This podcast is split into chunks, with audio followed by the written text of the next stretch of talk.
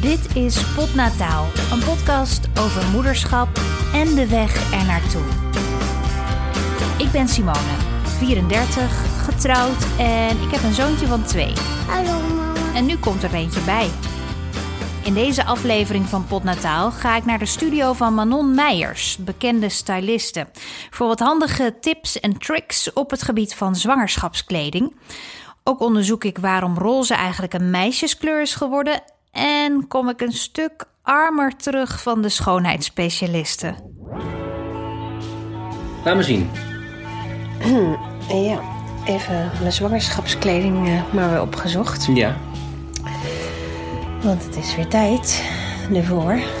En ehm, nou, even kijken wat, wat nog kan, wat je ervan vindt. Ik ben inmiddels al een stuk gevorderd in mijn zwangerschap en dat is goed te zien aan mijn buik.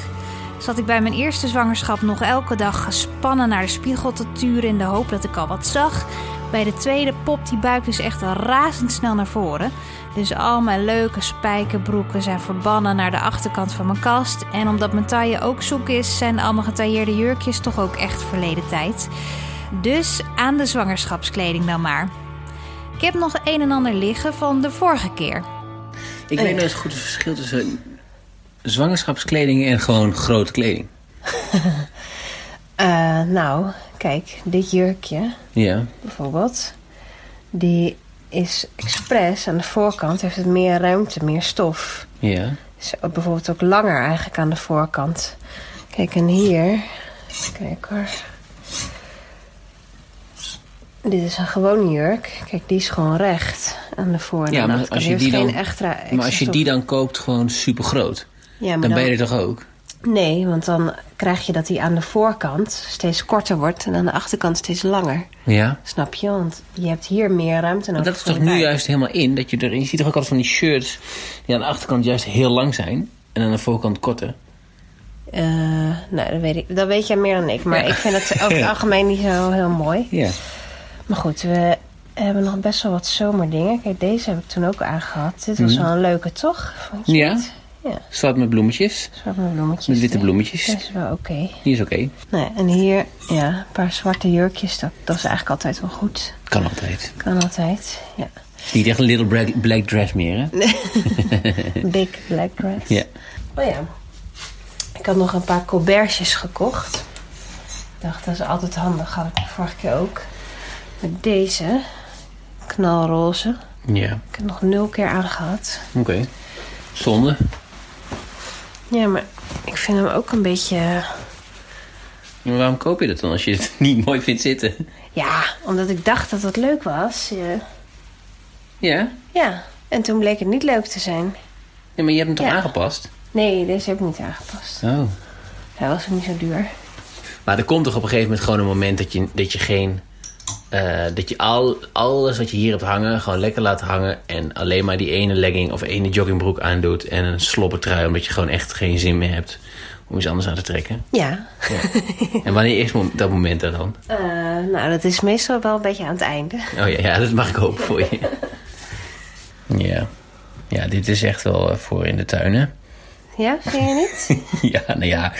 Het ziet er nogal versleten uit. ja, hij is niet zo mooi. Hoeveelste zwangere vrouw ben jij die het aan heeft? Ja, ik heb deze aan heel veel mensen uitgeleend. dus Ja, dat kun je wel zien ook. Ja. En deze, wat vind je hiervan? Ja, dit vind ik een beetje een raar pak. Dit is een tuinbroek met streepjes. Nou, dat is net alsof je... De, de- ken je die film met eh, George Clooney? Nee. Hoe heet die ook weer? Met... eh Suck Body, Bo Suck and Body Boys, weet ik veel. Man of Constant Sorrow, zingen ze daarin. Oh, Nee, bedoelt, ja, eh, die, die, die, die drie criminelen die op de vlucht zijn, of weet ik veel. Die hebben dit aan. Een tuinbroek met streepjes. Nee. Jawel. Nee. Je ziet eruit als Boris Boef. Nou, Ja. echt niet. Als ik deze aan heb, vind je dat ik eruit zie als ja, het is een tuinbroek, dat is sowieso al een min. En met streepjes. Ja, oké, streepjes maakt niet zoveel uit, maar het is een tuinbroek. Ja, maar als je zwanger bent, Ja, is nou. het echt super handig. Ja, en, eh, ja, waarom is het dan handig? Is Oh, geen omdat- verschil met alles nee, je maar het zit gewoon... Jawel, maar het zit lekker. Je buik heeft alle ruimte. Ja, oké, maar je vraagt niet aan mij... Denk jij dat dit lekker zit? Je vraagt aan mij, van, vind je het mooi? Maar de- over deze broek heb ik nu al heel veel complimenten gehad van mensen. wie? Nou, van heel veel mensen. Ook van vreemden en zo in winkels. Ja, echt waar. Ik kreeg ook de tip van iemand om vooral ook wat nieuwe dingen voor jezelf aan te schaffen bij een tweede zwangerschap. In het kader van jezelf een beetje verwennen. Want ja, tuurlijk, je kunt negen maanden lang een legging dragen met daarop een groot t-shirt. Maar die komen uiteindelijk echt wel je neus uit, dat kan ik je vertellen. En er komt nog eens bij, als zwangere voel je je vaak al niet de hele tijd de meest sexy, hippe persoon op aarde. Dus een beetje hulp qua kleding kan geen kwaad.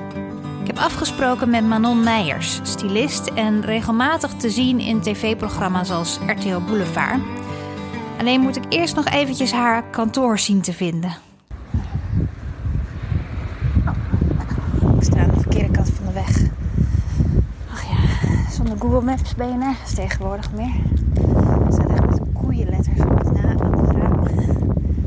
Nou goed, ik heb het gevonden.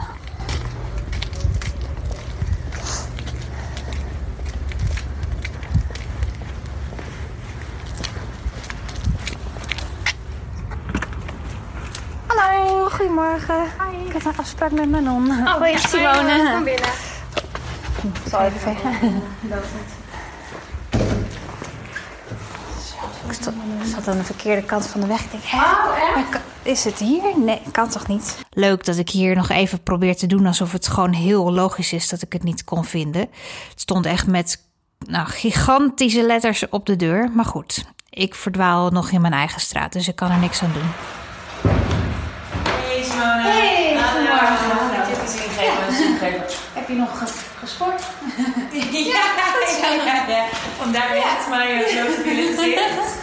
Nou, heel goed. En we hebben nog wat te drinken Het aangeboden. was wel een theetje, maar ik Ah, iets. wat Ja. We hebben wat later met elkaar afgesproken, zodat Manon nog eventjes kon sporten. Vandaar dat ik er naar vroeg. Manon, op haar beurt, verontschuldigt zich daarom weer voor haar make-uploze gezicht. Nou, nergens voor nodig, want ze ziet er uiteraard, zoals je zou verwachten van een stylist, uit om door een ringetje te halen. Goed, back to business. Zwangerschapskleding dan. Manon kleedt regelmatig zwangere dames, waaronder natuurlijk bekende vrouwen. Een aantal. En ik denk dat Wendy van Dijk daar dan wel het, eh, het meeste, eh, het beste voorbeeld van is eigenlijk. Ja, en Ja. dat was een uitdaging. Nou, weet je, Wendy is natuurlijk iemand die, ehm, die een heel petiterig lijfje heeft. En die was ook eigenlijk, eh, om het zo maar te zeggen, niet alleen maar mooi zwanger, maar ook, ik vind echt namelijk dat iedereen mooi zwanger is. Maar die was een soort van makkelijk zwanger. Die had kreeg op een gegeven moment echt gewoon een soort van duidelijke bal aan de voorkant. Maar qua billen, benen en armen bleef het allemaal nog eh, ontzettend beschaafd. Ja. En eh, ja, borsten natuurlijk ineens. Dat is dan ook zo'n Ja, de, voorkant die dijt gewoon uit. Dus dat is dan natuurlijk wel even puzzelen en, eh, en zoeken. Maar wel echt heel leuk om te doen. Ja, je vond het, dat, dat ging wel? Of eh, heb je wel eens met Ja, vond handen het- in het haar gezeten van... nou ja, wat moeten we Nou, er nu je, van Op een maken? gegeven moment moet je natuurlijk, als je. eh, ik ben zelf nooit zwanger geweest, dus je weet niet zo goed hoe dat voelt. Dus dan ben je echt een beetje een soort van de stylisten-nerd die bedacht heeft van. Ah nee, maar dit kan wel. We dit een Ja. beetje trekken, er natuurlijk niet rekening mee houden dat, dat je dingen moeten op een gegeven moment ook niet meer te strak. Of Nee. waar je normaal gesproken kan zeggen: hou je buik eventjes in en dan jas voor die knoop Nee. nog even dicht. Gaat niet lukken. nee. Met de zwangerschap gaat dat natuurlijk echt niet. Dus dat was voor mij ook wel goed leerproces om te bekijken van, oh ja, wacht even, er gaan praktisch gaat nu wel echt voorop en eh, esthetisch komt dan, dan daarna. Maar ik denk dat we er uiteindelijk wel heel goed, eh, goed zijn uitgekomen. Ja, ja, ja. ja want eh, ging je dan voor kleding die echt bedoeld was als zwangerschapskleding? Of eh Nou, ik ben- week je daarvan af? Eigenlijk wel een groot voorstander van pas zo laat mogelijk richting echt de maternity labels en de, de speciale afdeling. Omdat ik denk dat je voor die tijd. Weet je, je hebt natuurlijk een periode dat je het ehm, nog even voor jezelf wil houden. Nog even onder de pet. Dat je nog niet met iemand, met iedereen wil delen. En dan eh, zit je meer een beetje in de afdeling verhullen. Dan komt het moment, dan verhullen kan nog best wel veel, vind ik, met je, met je eigen kledingkast. Of dat je eens een keer in gewone collecties kijkt en dingen net iets ruimer draagt. Of net iets tactischer, dat je een riem even wat lager of wat hoger, doordat je, dat je niet zo ziet dat, er, dat je een klein beetje aan het, aan het uitdijen bent. En dan komt er natuurlijk een periode dat je het gedeeld hebt en dan is het ook leuker om te laten zien. En dan daarna komt er natuurlijk een periode dat je op een gegeven moment echt van gekkigheid niet meer weet wat je nog wel en niet aan kunt. Maar eigenlijk die hele, eh, laat ik zo zeggen, eerste zes, zeven maanden is dat denk ik. Like I said, ik ben, zit er niet zo heel goed in. Maar volgens mij denk ik dat je de eerste zes maanden nog best wel goed wegkomt met, ehm, met gewone labels. En dat je goed kijkt naar zit er ergens stretchstof in als je iets wel mooi aangesloten wilt dragen. En ik vind een kledingkast van je partner ook echt dat een hele goede. Ja. Bijvoorbeeld spijkerbroeken die wat groter vallen, kun je net iets lager dragen. Dan krijg je een beetje zo'n soort van boyfriend look. En dan Oh ja. eventueel met een mooi overhemd, wat ook prima van je man kan zijn. Ja. Weet je wel, zorg dat je mouwtjes een beetje omhoog doet, dat je nog een beetje taillegevoel krijgt. Maar daar kun je volgens mij zo mee spelen. Ik vind vaak namelijk, ik moet zeggen, er is wel de, de laatste jaren wel grote inhaalslag geweest op het gebied van de echte zwangerschapsmode. Maar ik denk in de tijd waar ik nu over heb, eh, dat ik Wendy kleedde, dus dan een jaar of acht geleden, was dat echt nog best wel allemaal behoorlijk truttig. Hmm. Ja. En, eh, en En nog steeds wel, vind ik hoor. ja, absoluut. En met een, en tot en met eh, de, de balletjeskettingen om je nek en alles. Dat was toen echt nog een beetje de tendens. En nu wordt het steeds meer, vind ik, dat je denkt van... oh ja, je kan steeds meer soort van meedoen met de, de gewone trends. Ja, ja. Ja, precies. Want eh, ja, zoals H&M of zo, daar, daar kom ik dan wel, daar heb ik wel wat dingetjes van. Maar ik vind dat nog steeds dat ik denk, ja, dat, dat is eigenlijk niet zoals ik er normaal uitzie, wat ik dan draag. Nee, dat Ja. is dus heel lastig. Dat, dat snap ik heel goed dat het een lastig ding is om te bedenken van... oké, wat is nou eigenlijk mijn eigen stijl en hoe ga ik dat vertalen naar dingen die ik nog wel aan kan? Maar wat, wat zijn bijvoorbeeld dingen die jij leuk vindt om te dragen? Ja, ik ben wel van, ook van de spijkerbroeken gewoon. Really, Simone?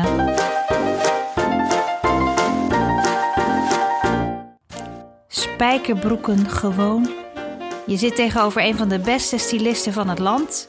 Je hebt thuis een kast uitpuilend vol leuke en hippe setjes. En dan kom je op de proppen met spijkerbroeken gewoon. Manon, als je dit hoort, er ligt echt nog veel meer leuks in mijn kast te liggen. Dat dan weer wel, want ik kan het niet aan. Maar goed, dan weet je dat. Voor mij is het vaak, Hmm. ik vind zwangerschapsmode heel moeilijk. Tenminste dat overal eh, banden en Ja, eh, ja. meerekkende en uitklapbare delen in kledingstukken klopt. komen. Dan voel je bijna een beetje een soort van disabled of zo. Dat je denkt van wacht even, kan het ook anders? Maar daar misschien ook die tip, weet je wel, zo- zo'n letterlijk echt een boyfriend jeans. Als hij wat Ja. groter is, kun je ze lager dragen. Kan je de knoop nog onder je buik. Of weet je, je komt ook aan heel En het eind scheelt ook een hoop geld het natuurlijk. scheelt heel Ja, veel geld. En dat vind ik namelijk ook. Wat, wat doe je er daarna nog mee? Je geeft het misschien een keer door aan een vriendinnetje of zo. Maar het is allemaal zo. Het is ook een, ook een beetje zonde. Maar bijvoorbeeld ook een handig trucje waar wij heel lang mee weg zijn gekomen. En wij is dan in dit geval eh, Wendy die het aan moest en ik die blij was dat er nog iets paste. Is bijvoorbeeld dat je een eh, jeans gewoon echt met zo'n tussenzetstukje, wat je ook wel eens bij kids doet, weet je wel? Dat, Oh, ja. dat je zo'n broekje uit kunt leggen met zo'n knoopje. Zo'n driehoekje erin. eh, Precies, maakt, en dat ja. soort dingetjes kun je ook gewoon een stukje elastiek tussen de, de lus van je jeans en de knoop, waardoor je hem wat langer kan dragen, wat lager kan dragen. En als je dan gewoon bijvoorbeeld een langer hemdje en weet je, bij de zeeman eh, echt of all place kun je echt super goede van die st- stretch hemdjes kopen die wat langer vallen. Of weet je, ook gewoon zo'n zo'n mannenhemd, zo'n wife beater, zo'n Ja. mouwloos hemdje. Die, voor mannen vallen ze vaak langer. Ja, Nou, weet je, dan trek je zo'n hemdje eroverheen en een, een jasje van jezelf kan je echt nog tot best wel lang dragen. En dan heb je toch wel weer een look die er nog wel een soort van happening uitziet. Waarvoor je niet eh, eh, je helemaal suf hoeft te bestellen bij eh, speciale merken. nee. En dat je ook niet daarna nog echt met kilo's kleding waarvan je denkt, ja, daar doe ik toch niks meer mee. Super goede tip. Ik ben naar de Zeeman geweest en ik heb inmiddels een paar van die mannenhemden gekocht. En het zit dus echt top. Dit is nu mijn, mijn duurste aankoop qua zwangerschapskleding. Eh, dit is van een Engels merk. Ik ben Het is nou wel echt helemaal te gek. Ja, het is best leuk, toch? Echt ja, leuk. ja, ja, het is een tuinbroek. Ik zal even uitleggen. Een, tu- een Ja, tuinbroek dat is elkaar met, met blauwe en witte streepjes. En het is een beetje een stof, dacht ik. Zo van, nou, daar kan je in het najaar en in het voorjaar en in de zomer eigenlijk wel mee uit de voeten. eh, met iets langs of iets korts eronder kan het eigenlijk allemaal. En je kunt er lekker in groeien. En ik moet er even bij zeggen, want niemand kan het natuurlijk zien. Het is ook wel een tuinbroek die heel vrouwelijk is. Want bij tuinbroek gaan waarschijnlijk heel veel alarmbellen. Ja. Luc zegt altijd dat mensen eruit zien als een grote kleuter. als je een tuinbroek aan Nee, hebt. maar dat is in dit Ja. geval niet aan de Nee, hand. Nee, nee. hij is sexy, omdat hij best wel diep in is gesneden Ja. aan de zijkant. En daardoor blijft hij heel vrouwelijk. Ja, dus dit kan wel. Dit is wel Ja. goed gekeurd. eh, Ja, absoluut. Heel leuk. Ik heb het even opgezocht voor je. Ik kon er toen namelijk niet meer opkomen. Hashtag zwangerschapsdementie. Maar het merk heet Clary and Pack. En het is een Engels merk. Iets duurder, dat moet ik er wel bij zeggen. En je moet dus online bestellen. Maar ik ben er echt heel blij mee. Ik zat toevallig net nog even op, eh, omdat ik natuurlijk wist dat je kwam. ik zat nog even op eh Ezels te kijken. Wat Oh ja. ook echt een te gekke site is. En die Ja. hebben ook wel echt dingen voor toegankelijke prijzen. En het is allemaal nog modisch. Er zit af en toe een beetje Engelse tuttigheid tussen. Maar het grootste gedeelte is echt heel tof. En dan zag ik inderdaad ook heel veel van gewoon goede stevige leggings. Die dan wat hoger doorlopen. En dan bijvoorbeeld wat ik net zei. Weet je, zo'n toffe beetje oversized blouse. Dan ook net iets hoger geknoopt. Ja, Weet je, als je, als je binnen nog een beetje, een beetje leuk blijft, is dat dan super kan tof. dat. Ja, ja. Leggings. Die zijn echt top tijdens je zwangerschap. Alleen de vorige keer droeg ik ze op het laatst van mijn zwangerschap echt alleen nog maar.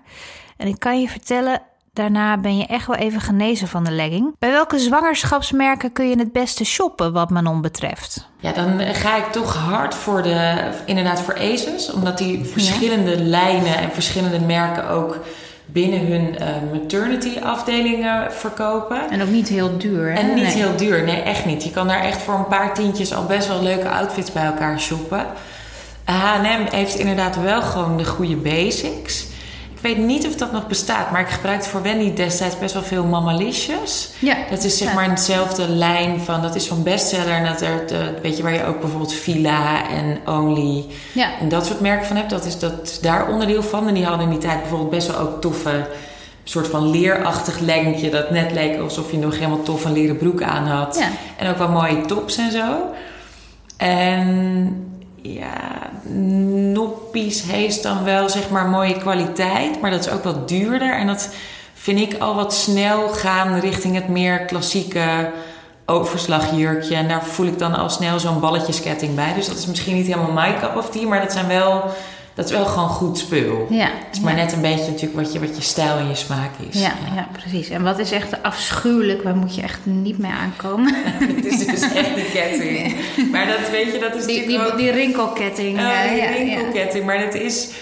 ehm, dat is misschien ook niet helemaal eerlijk, weet je. Ik weet niet hoe het voelt om zwanger te zijn... en om misschien ook die verbinding te willen maken met je kind. En als je daar heel gelukkig van wordt en denkt van... oh, dit werkt en dit heeft echt supergoeie eh, impact op je kindje... en van alles echt vooral doen. Maar ik word er altijd een beetje, een klein beetje weeg van. Dat Ik, denk ik zie ze niet oh. zoveel meer, moet ik zeggen. Nou, ik mij. heb toevallig een paar weken geleden dat ik op een terras zat en dat ik in één keer dacht: oh, wacht even, ze bestaan nog. maar dat zou nooit iets zijn waarvoor, waar ik voor zou springen, maar het is meer een ding waarvan ik zelf denk: van ah. Ja, nee. Ik krijg, er- ik krijg er Ja. gewoon een beetje jeuk van, maar dat is Ja. misschien persoonlijk. En wat ik ook moeilijk vind, zijn van die. ehm, eh, dat mensen er van die doeken omknopen. Alsof het een Oh, soort van, ja. van altaarmoment Ja. of zo. vind ik ook lastig. Maar nogmaals, weet je, ik Met weet een niet pijl zelf erbij, hier is mijn buik. Ja. Oh, en die ook inderdaad. Die, och, dat had je toen toch ook zo'n tijdje, zo'n... Van die t-shirts met van die teksten Oh, erop. dat is er eh, nog steeds, babyen hoor. in. Oh, echt? Ja, ja, ja ma- mama alert of weet ik het, Oh, baby onboard. eh, Oh, wauw. ja. Nou ja, als je het dan hebt over eruit zien als een, als een grote kleuter... dan, is, dan krijg ik daar wel een beetje... Ja. Sommige dingen hoef je niet uit te leggen, toch? Nee, nee, nee, precies. Nee, en ik vind, denk, ik vind vrouwen echt prachtig als ze zwanger zijn. En ik vind het denk ik heel leuk om dan misschien meer je vrouwelijkheid te benadrukken. In plaats van dat je een beetje in de kinderachtige, de grapjes en de knipogen. We all see you got knocked up. Hoe zorg je nou zeker die laatste periode? Dat is een, een moeilijke tijd. Tenminste, zeker als ik terugkijk naar mijn eerste zwangerschap. Die laatste periode, dat is gewoon periode ontplof, zeg maar. Ja. Eh, denk je, ja, niks, niks staat dan nog meer. Ja. alles, ja. Wat kun je dan nog doen om nog een beetje... Dat je denkt, nou, ik ben- ik heb nog een beetje normale vormen. Of simuleer nog een beetje normale vormen. Wat, Nou, weet je, volgens mij moet je- is dat een periode dat je denk ik vooral heel lief voor jezelf moet zijn. Ik bedoel, je hebt dan eh, echt wel al een, een serieuze dracht achter de rug en er staat nogal wat te gebeuren. Dus ik zou dan, weet je, ik kan me voorstellen dat je nog heel graag knap eruit wil blijven zien. Maar ik zou ook zo graag mee willen geven dat er op dat moment misschien andere dingen meer belangrijk zijn. En dat Ja. het ook wel. Ga dan ook vooral voor praktisch. En praktisch hoeft dan echt niet per se een joggingpak van top tot teen te zijn. Maar waar we het net over hadden, dat leggingje is heel leuk. Weet je, nu naar de zomerperiode zijn genoeg van die hele lekkere, luchtige, wijde jurken. En weet je, als je denkt, ik vind mijn arm heel mooi of mijn decolleté wordt echt in één keer eh, onwijs bewonderenswaardig.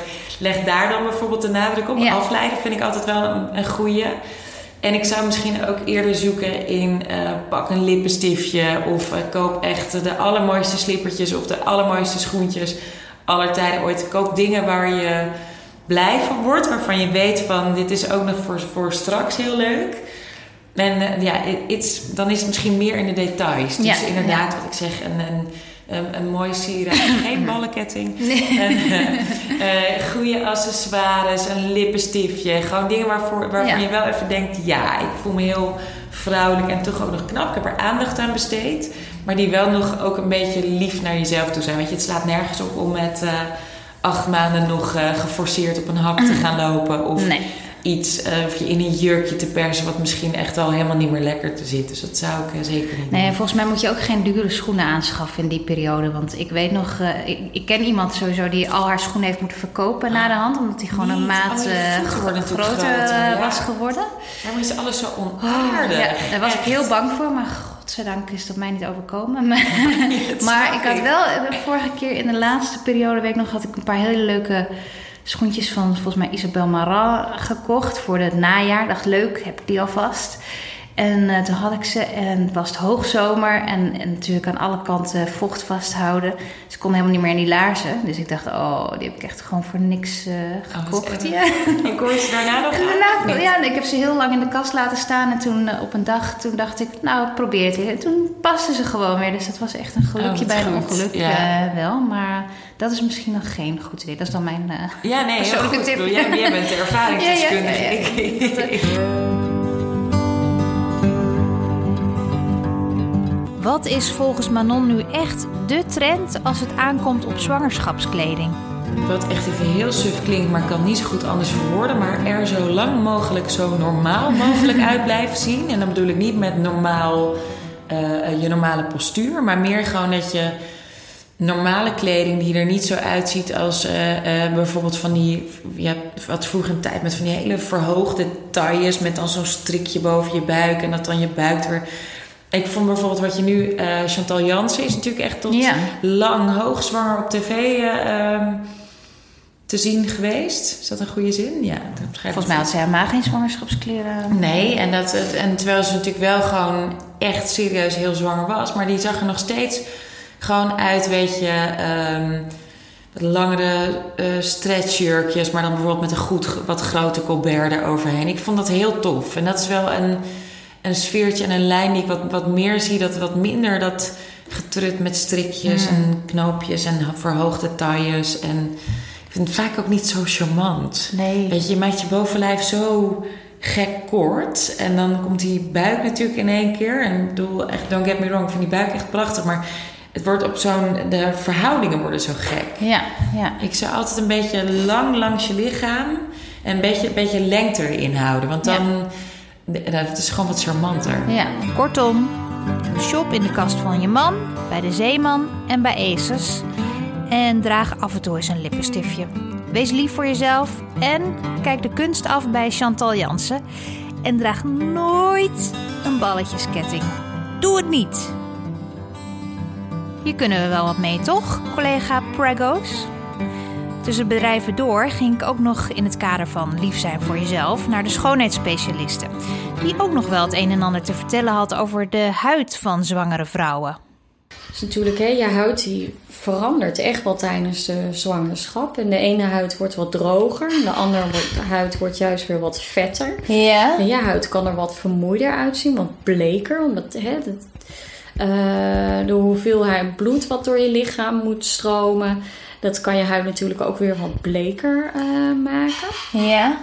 En ehm, wat ook zo is, zoals nu eh, schijnt de zon. En dan heb je natuurlijk wel weer een hoge factor nodig. Ja. Want je pigmentvorming kan dan ook gaan woekeren. Ja, hoe, En dan- hoe komt dat dan? Ja. Zo, zo gek is dat. Ja, dat heeft echt met eh pigmentstoornis heeft vaak eh, te maken met eh, of hormonen of met huidbeschadiging. Ja. En heeft elke vrouw daar last van dan? of? Nee, het is vaak gewoon eigenlijk al bepaald of je het krijgt of niet. Maar zit je echt in de zon, ja, dan heb je natuurlijk wel eerder kans dat je Ja. pigment eh, gaat woekeren. En dan krijg je zo'n zwangerschapsmasker. eh, Zwangerschapsmasker, ja. Die gaat na de zwangerschap, als je hormoonhuishouding weer een beetje in balans is, gaat het wel weer weg. Maar als je echt die zon erop hebt, dan wordt het alleen maar erger natuurlijk, hè? Die Ja. zwangerschapsmasker. Dan heb je ook een kans dat het na de zwangerschap helemaal niet goed wegtrekt. En dan Oh ja? zit je dus met pigmentvlekken. Ja. Ja, dat is niet eh, heel mooi, nee. Nee. Ja, en ik had in het begin, eh, in de eerste drie maanden, echt wel heel veel puistjes, merkte ik. Ja, omdat je natuurlijk eh, die hormoonschommeling, die piek is dan in één keer heel erg hoog. Ja, En ehm, dus dan heb je natuurlijk ook eer, eer sneller kans dat je huid daarop reageert en onrustig wordt. ja dat Ja. merkte ik wel hoor. En, Mm. en nu, ik ben blij dat het nu weer wat rustiger eh, is. In Ineens was het weer ja. eh, voorbij. Ja. En dat kan dan na de zwangerschap, dan eh, zakt die hormoonhuishouding weer helemaal in elkaar. Hè? Langzaam komt dat weer allemaal goed. Maar daar kan je huid natuurlijk ook op reageren. En natuurlijk de korte nachten. Ja, dat doet ook niet zoveel goed aan. Nee. Nee, maar uiteindelijk komt het allemaal weer eh, in balans. En ze informeert natuurlijk ook nog even, zoals het een goede schoonheidsspecialiste betaamt, wat voor producten ik allemaal gebruik. Eh, nu Clarence volgens mij om het schoon te maken. En eh, een crème van Chanel eh, die ik nu gebruik. Ja, oké. Ik gebruikte daarvoor eigenlijk altijd Neoderma. Bij een andere schoonheidsspecialist, maar daar kom ik nu niet meer. Dus die, die had die producten altijd. En Chanel, is dat een hydraterende crème? Of... Ja, volgens mij wel. Ja, ik zou het niet, niet meer weten, zo, maar ik, ik vermoed van wel. eh.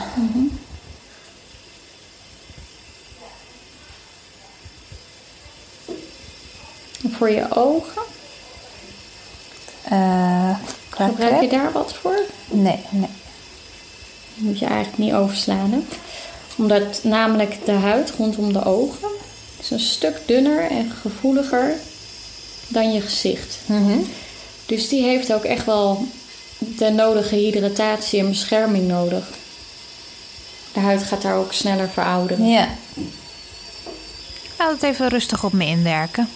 De behandeling gaat verder. En als herboren sta ik weer bij de kassa. Even kijken, dan heb ik 30 minuten gezicht. Kijk, dit is die. eh ik laat hem even aan jou zien, hè? Ja. Hoi, kom zo bij hoor. Neem lekker plaats. Kijk, dit is zeg maar wat er allemaal bij in zit. Dus je betaalt zeg maar voor de oogcrème en dan krijg je dus de, deze die krijg je er gewoon bij. Dus de waarde van 100 euro. Oké. Dus het is eh, met gouddeeltjes. Is het Ja. een 24 uur verzorging. Voor de dag en voor de nacht. Ja. Dit is een eh, oog make-up eh, re- remover. Die moet je, het is twee fases. Die moet je even door elkaar doen. Dan kan je je oogmake-up eraf halen. Maar zelfs voor hele gevoelige ogen is het geschikt. En eh, dit is die oogverzorging. Oh ja. Dus wat kost het dan? de oogverzorging. Even kijken hoor. Ik zal eerst even dit in de computer zetten. Ik denk, laat het altijd even zien. Want het zijn wel hele leuke... Een hele mooie gifts zitten erbij in. Ehm, de 1020, dat is een werk op nummer Maria Galan. En Maria Galan is een merk wat alleen maar in schoonheidssalons eh, gebruikt wordt. De 1020, deze set is 86 euro. Oké. Ja. Nou, doe, doe maar erbij. Ja. Dat is wel leuk hè? Ja. De- wat ook heel fijn is, het is dus een hele rijke oogverzorging, maar hij is ook luchtig. Ja. Dus vaak heb je bij oogverzorging als ze heel rijk zijn, dat ze heel vol en compact Ja. aanvoelen. Maar dat is bij deze dus niet. hè. Nee. Ze trekt gewoon heel mooi in. En die gouddeeltjes, er zitten goudpartikeltjes in. Dus eh, het is een mooie set. Dus, ehm, ja. Hieruit kunnen we concluderen dat ik geen nee kan zeggen. En dat ik weer een stukje armer ben geworden. Maar wel een crème rijker. Dat dan weer wel. Aangekomen heb ik nog een telefoongesprek met Irene Sieraad. Zij is cultureel antropoloog en hoofdonderzoeker bij de TU Delft. Ik bel haar omdat, nu we het in deze aflevering toch over kleding hebben, ik me al de hele tijd afvraag waarom alles voor meisjes toch roze is en voor jongetjes blauw en donker. Irene heeft zich de afgelopen jaren regelmatig bezig gehouden met deze kleurenkwestie. Wanneer zijn we begonnen met dat kleurverschil, vraag ik haar. Kantelpunt is eigenlijk in de midden 19e eeuw. Uh, en het heeft eigenlijk te maken ook met, met dit heeft, dat heeft met meer dingen te maken. Want um, kijk, die kinderen die we op schilderijen zien, die hebben dan nog wel, en die hebben dan vaak een, een, een rammelaartje in de hand. En aan de uh, symbolen die aan dat rammelaartje is, dan kun je zien of het een jongetje of een meisje is. Dus er is wel degelijk voor de goede uh, kijker verschil. duidelijk of je te maken hebt met een jongetje of een meisje. Ja. En, en jurkjes waren sowieso handig, omdat luiers, hè, van, dan, dan uh, kon het gewoon letterlijk, wat kinderen hadden vaak geen onderbroek aan, dus dan liep dat gewoon allemaal makkelijker weg. Ja. Op het moment dat in de elite kinderen niet meer, um, kinderen werden kleintjes, dat, dat, dat is dan echt een heel uh, um, afschuwelijk uh, uh, verschijnsel. Maar zeker in de elite was het gebruik om kinderen voordat ze pas tot op het moment dat ze zinnelijk waren, zeker, waren ze niet in huis, maar bij een voedster. Hmm.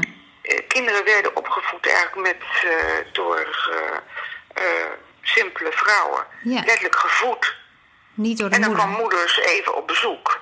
En uh, die uh, denkt dan, wat is dat voor enge vrouw? um, en uh, dan komt daar een soort beweging op gang. Hè, dat borst, dat vrouwen ook... Hè, elite vrouwen toch ook borstvoeding, dat moeders horen borstvoeding te geven. En dan komen dus kinderen meer in huis en dan ontwikkelt zich veel meer het, het aparte jongens- en meisjeskamer. Um,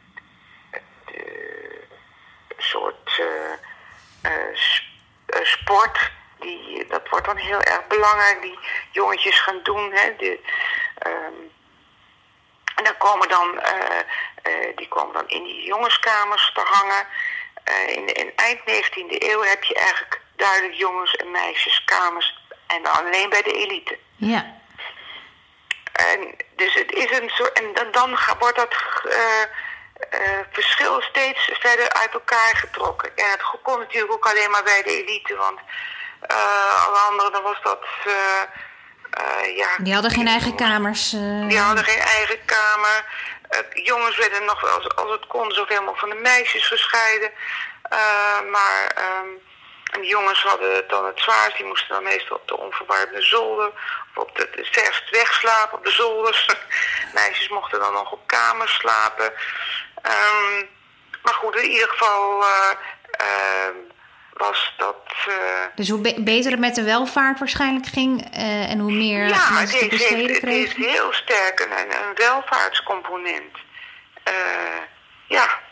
Dat zie je dan waarschijnlijk ook in derde wereldlanden nu nog terug. Daar hebben kinderen ook niet zoveel te kiezen natuurlijk uh, nee. aan wat ze kunnen dragen of waarmee ze kunnen spelen. Dus wat voor kleur dat dan is, zal minder Zal belangrijk zijn. zijn. Ja, ja. ja, ja. nee, dat, dat, uh, die maken van blikjes wat. Of, uh, en, maar grappig genoeg, um, nu je het zegt, ik kan me het, een pop of zo is niet een Afrikaans, want ik ben cultureel antropoloog. Maar een pop is niet iets wat uh, kinderen uh, uh, in Afrika hebben. Roze voor meisjes en blauw en donker voor jongens is dus typisch iets westers en hangt samen met toegenomen welvaart. Zou het nog terug te draaien zijn? Kan de kleur roze weer voor iedereen worden? Ja, dat, dat- dat zag je dus met die voetbalschoenen, tot mijn verbazing. Voetbal, kijk, je hebt een bepaalde ehm, mensen die geven de toon aan. En voetballers zijn, die eh, geven voor kinderen, jongetjes, heel erg de toon aan. En Ja. ineens, ja, tot mijn stomme verbazing, was de knalroze voetbalschoen.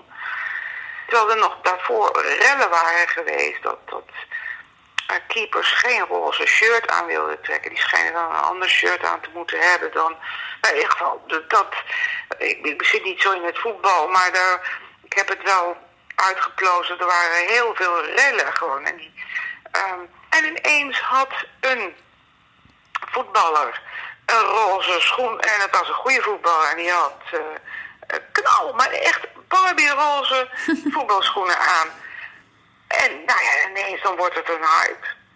Het is nu ook weer een beetje voorbij, maar je ziet toch wel in voetbalschoenen nu, het is niet meer de zwarte schoen, dus het kan nu allerlei kleuren hebben. Een voetballer kan dus een hype veroorzaken waardoor jongetjes roze gaan dragen. Maar echt blijven hangen, dat doet het niet. Gek, want juist in deze tijd gaat het steeds vaker over genderneutraal zijn. Irene verbaast zich er ook over. Net zoals de protesten in de jaren 70 en de unisex-mode ook niet zoveel geholpen heeft. Nee, nee, nee. Eh, je kunt wel zeggen, we hebben eh, vrouwen hebben meer een, eh, dragen nu meer broeken dan ze ooit gedragen hebben. En, maar mannen dragen eigenlijk. Antwerpers proberen het steeds. En ook dat heb ik, ben ik toen nagegaan met het, eh, het roze overhemd. Dan zie je op een bepaald moment is er een hele sterke tendens dat er wordt op de catwalk voor mannen eh, worden er rokken en zelfs eh, een soort corsetten geïnitieerd. En het bloedt allemaal dood. Ja. Dat je, je, je, je kan je niet herinneren dat je ooit maar iets daarvan terugziet. Nee, nee. nee. Dus er, er zijn tegenbewegingen, maar die vinden dan toch geen brede weerklank. Nee. En ja, wat zou, de, de- dus het enige wat er zou kunnen gebeuren eh, als ik jou zo hoor eh, om dat te veranderen, is dus als er echt nou, rolmodellen als zo- zo'n voetballer met zijn knalroze Ja, gimpen. dat, dat zijn hele... Een, een, een, popster, een, eh, die hè, als Beyoncé iets doet, dan is dat heel belangrijk. Ja, maar of het En- uiteindelijk een overall een verandering teweeg brengt, dat, dat lijkt me wel moeilijk als ik het zo. Ja. Het zit zo ingebakken. Nou ja, het, het kan best zijn dat roze, dat er ineens een andere kleur eh, heel eh, die, die rol gaat overnemen. Ehm, ik, sluit niks uit. Dat, dat is het gekke. Ik sluit niks uit. Nee. Dat, dat is nu al. Want ik, ik had niet gedacht dat ik ooit een artikel zou schrijven over het roze herenoverhemd.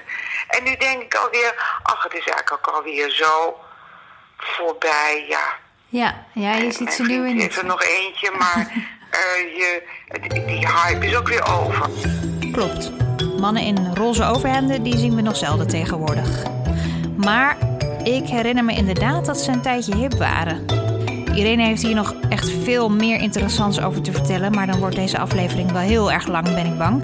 Dus google haar even, dan kom je vanzelf op wat leuke oude artikelen als je meer wil weten. In de volgende aflevering van Potnataal hoor je of ik me inderdaad vol overgave op de kleur roze mag gaan storten, want we doen een pret echo. En ik mag meekramen met mijn kraamverzorgster Suzanne om te kijken hoe het is om in haar schoenen te staan. Dat en meer in de volgende Potnataal. Voor meer afleveringen en informatie over deze podcast ga je naar dagennacht.nl en abonneer je eventjes op deze podcast via iTunes. Dankjewel. Tot de volgende.